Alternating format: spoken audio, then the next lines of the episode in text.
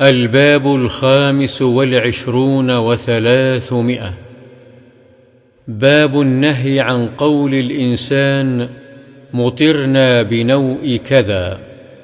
عن زيد بن خالد رضي الله عنه قال صلى بنا رسول الله صلى الله عليه وسلم صلاة الصبح بالحديبية. في إثر سماء كانت من الليل. فلما انصرف أقبل على الناس فقال هل تدرون ماذا قال ربكم؟ قالوا الله ورسوله أعلم. قال أصبح من عبادي مؤمن بي وكافر. فأما من قال مطرنا بفضل الله ورحمته فذلك مؤمن بي كافر بالكوكب.